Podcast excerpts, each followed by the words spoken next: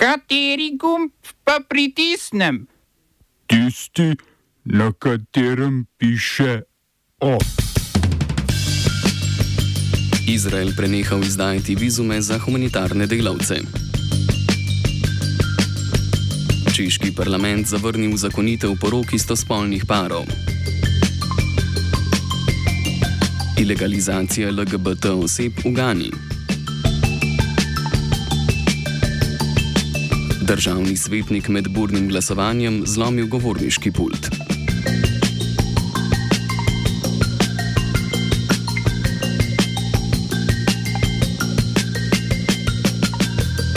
Dober dan, poslušate poročila na Radiu Student. Izraelsko ministrstvo za blaginjo in socialne zadeve je prenehalo izdajati vizume za mednarodno osebje humanitarnih organizacij, ki delujejo na palestinskih ozemljih. Samo pri organizacijah, ki so del Zveze mednarodnih razvojnih agencij, ukrep neposredno zadeva okrog 150 zaposlitev, zaposlenim pa v primeru nepodaljšanja vizumov grozi izgon. Ministrstvo je oktobra veljavnost humanitarnih vizumov izredno podaljšalo do 8. februarja, a takoj začelo z zavlačevanjem redne izdaje in podaljšanja vizumov. Delo humanitarcev dodatno otežuje prepoved vstopa palestinskih delavcev z območja okupiranega Zahodnega brega na območje Jeruzalema ali Gaze.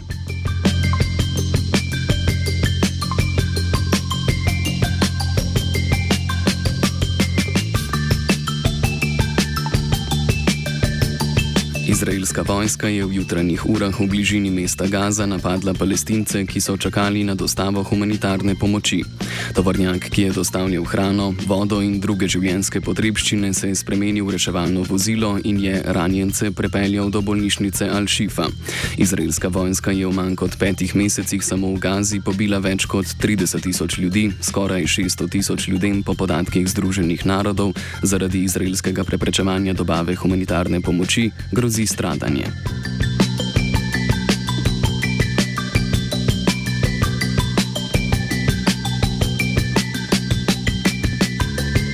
Kitajska je Pakistanu za leto dni podaljšala rok za odplačilo posojila v višini skoraj 2 milijard evrov.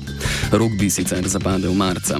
Pakistan ima več kot 100 milijard evrov zunanjega dolga, zato je vlada z mednarodnim denarnim skladom lani sklenila dogovor o 3 milijardnem izrednem posojilu.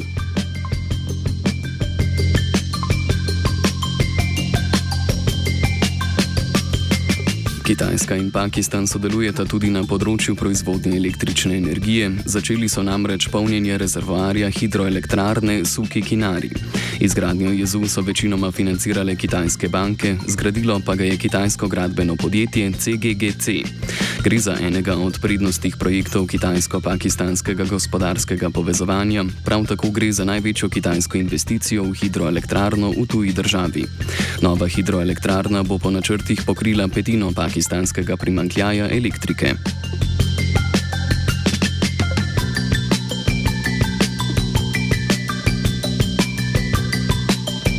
Konstitutivno sejo novega sklica pakistanskega parlamenta so spremljali protesti podpornikov in poslancev stranke zaprtega Imrana Kana.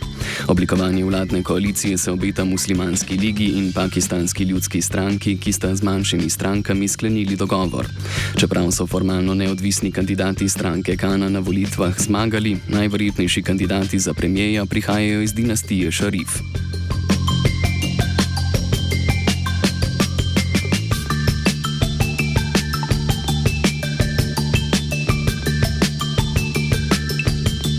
Ganski parlament je sprejel zakon, ki ilegalizira identifikacijo oseb z LGBT plus skupnostjo. Istospolni odnosi so v Gani ilegalni in kaznovani zaporno kaznijo do treh let še po kolonialni zakonodaji.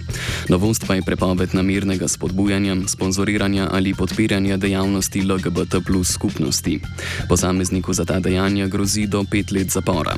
Zakon je predlagala glavna opozicijska stranka Nacionalni demokratični kongres, potrditi pa ga mora še predsednik države Nana Akufo Ado, ki je sicer tudi sam nasprotnik pravic spolnih manjšin.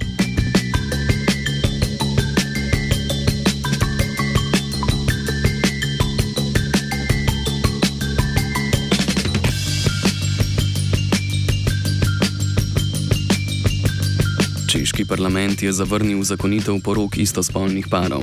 Z novo zakonodajo, ki so jo predlagali v koalicijski krščansko-ljudski stranki in opozicijski akciji nezadovoljnih državljanov, so poslanci odobrili spremembo civilnega zakonika, ki po novem omogoča sklepanje izven zakonskih partnerskih zvez za istospolne pare. Sklenitvijo zveze jim je omogočena večina pravic, ki jih uživajo raznospolni pari v zakonskih zvezah, kot sta skupno premoženje in udovske pokojnine. Nimajo pa pravice do skupne posvojitve otrok.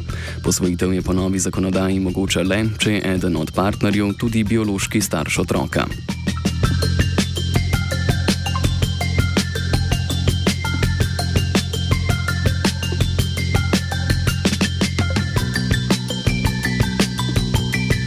Višje sodišče v Novem Sadu je ukazalo iz pripora izpustiti predsednika srpskega vojaškega sindikata Novico Antiča. Antiča so pridržali v torek, dva tedna zatem, ko je obrambni minister Miloš Vučevič označil vojaške sindikate za največjo neumnost tega sveta. Uradni razlogi za pripor Antiča in drugih uradnikov vojaškega sindikata niso znani.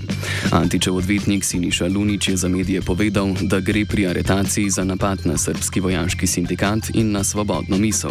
Pri tem je izpostavil tudi, da dokazi proti Antiču ne obstajajo in da gre za politični pregon. Smo se osamosvojili, nismo se pa osvobodili. Da si našteli še 500 projektov. Izpiljene modele, kako so se strani nekdanje LDS rotirali. Ko to dvoje zmešamo v pravilno zmes, dobimo zgodbo o uspehu. Takemu političnemu razvoju se reče udar. Jaz to vem, da je nezakonito, ampak kaj nam pa ostane? Brutalni obračun s politično korupcijo. To je Slovenija, tukaj je naša zemlja, to je Slovenija, Slovenija, Slovenija. Svet Zavoda Univerzitetnega rehabilitacijskega inštituta Soča je sprejel sklep o začetku postopka razrešitve direktorja Zvoneta Čadeža. Na Soči so pojasnili, da podrobnosti o razlogih za razrešitev v času postopka ne morejo komentirati.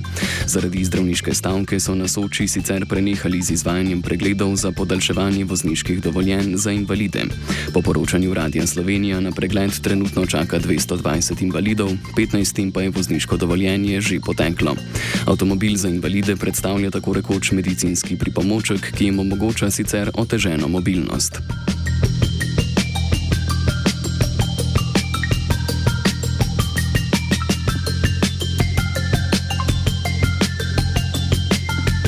Vlada je sprejela odlog, s katerim je razširila nabor nujnih storitev, ki jih morajo zdravniki opravljati kljub stavki. Odlog je predstavila zdravstvena ministrica Valentina Privolnik Rupel, ki je povdarila, da so na ministrstvu odlog pripravili v skladu s kršitvami, ki so jih zaznavali v prvih sedmih tednih stavke.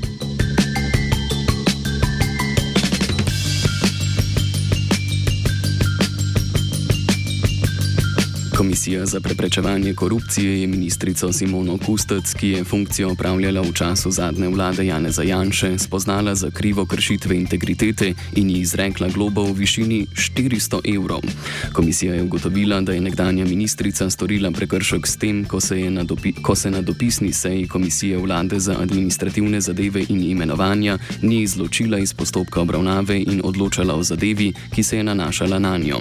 Na seji so odločali o izplačilih denarnega nadomestila ministrom za neizkoriščen del dopusta.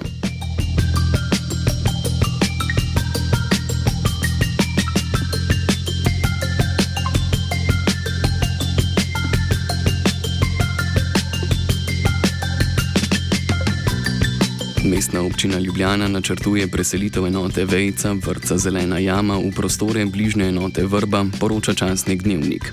Glavni razlog za selitev je optimizacija delovanja oziroma združitev vrčevskih kapacitet v enem objektu. Za selitev pa je potrebna zagotovitev dodatnih kapacitet v enoti Vrba.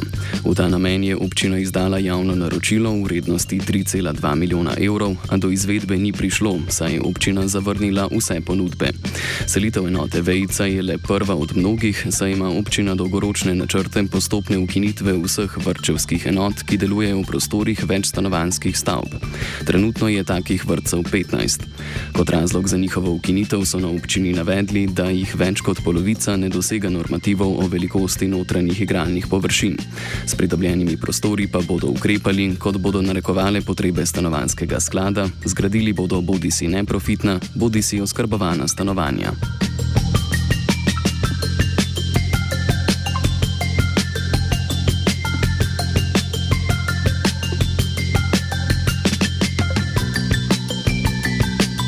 Državni svetniki so v okviru 14. seje med drugim glasovali o predlogu za ustanovitev parlamentarne preiskovalne komisije, ki bi preiskovala poslovanje podjetij GNI in Star Solar ter domnevno nezakonito financiranje gibanja Svoboda. Predlog je na pobudo Andreja Poglajna iz Slovenske demokratske stranke vložila interesna skupina lokalnih skupnosti. Interesna skupina negospodarskih dejavnosti je na to vložila predlog za preložitev razprave in odločanja o ustanovitvi ustanovitvi komisije, da bi se bolje seznanili s tematiko. Svetnika Andrej Poglajen in David Klobasa, ki prihaja iz vrst krščanskih demokratov, sta zaradi domnevnih pritiskov na svetnike tako predlagala tajno glasovanje o preložitvi te točke. Hvala lepa za vaš predlog, ki ga pač eh, moram zavrniti skladno z poslovnikom. Gre po, to gre za proceduralni predlog, ki je bil vložen in na to se pač ne more izvesti tajnega glasovanja. Tako da zdaj bomo, zdaj bomo glasovali o predlogu interesne skupine negospodarskih dejavnosti za preložitev razprave in odločanja o predlogu zahteve za odreditev parlamentarne preiskave za ugotovitev in oceno dejanskega stanja. Tako da prehajamo na odločanje. Steklo je glasovanje, a vsi svetniki niso vedeli, o čem glasujejo. Državni svet je z 18 glasovi za in 15 glasovi proti izglasoval preložitev razprave, a sta se, kot je pojasnil Poglajen, s klobaso zmotila. So tako jaz kot gospod Klobasa mislili, da glasujemo o morebitnem tajnem glasovanju, ne pa o sklepu um, o umiku.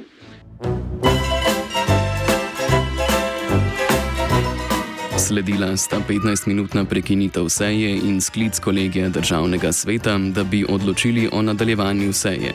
Predsednik državnega sveta Marko Lotrič je na to naznanil, da bo na predlog poglajne in klobase potekalo ponovno glasovanje. Zakaj sta se ravno omenjena svetnika pri glasovanju zmotila, ni znal pojasniti niti sam klobasa. Prišlo je do zmede, predvsem o tem, ali glasujemo o tajnem glasovanju ali glasujemo dejansko o umiku točke iz dnevnega reda. In vi ste se zgodili? Tako je. Se zgodi. Mnogi svetniki so ob napovedi ponovnega glasovanja opozorili, da s predlogom o ponovitvi niso bili seznanjeni. Debata o ponovnem glasovanju je postala tako težka, da je svetniku Matjažu Štolfi uspelo zlomiti govorniški pult. Ja, lepo pozdravljen in hvala za besedo. Ne, sem jaz nič kriv. Ja, so, so te težke teme, ja. Pult je dokončal njegov soimenjak Matjaš Švagan, na kar je predsednik sveta Lotrič na pomoč poklical tehnično službo. Kamorkoli gremo.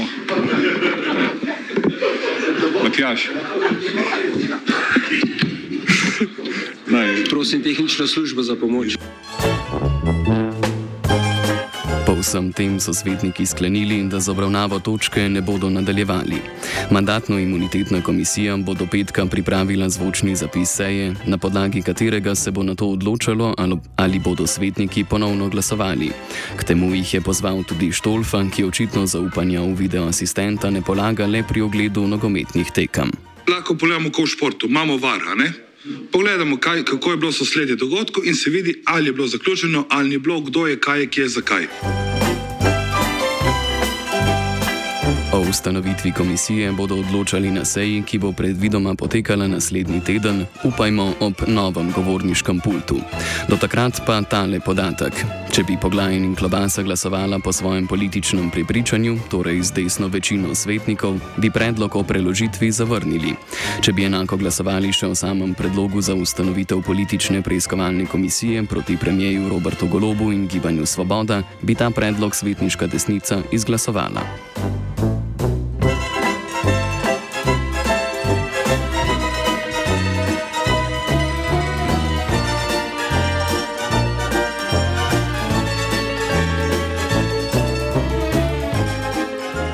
Ovsta pripravila vajenec David, z novičko o državnem svetu se je pozabavala Tija.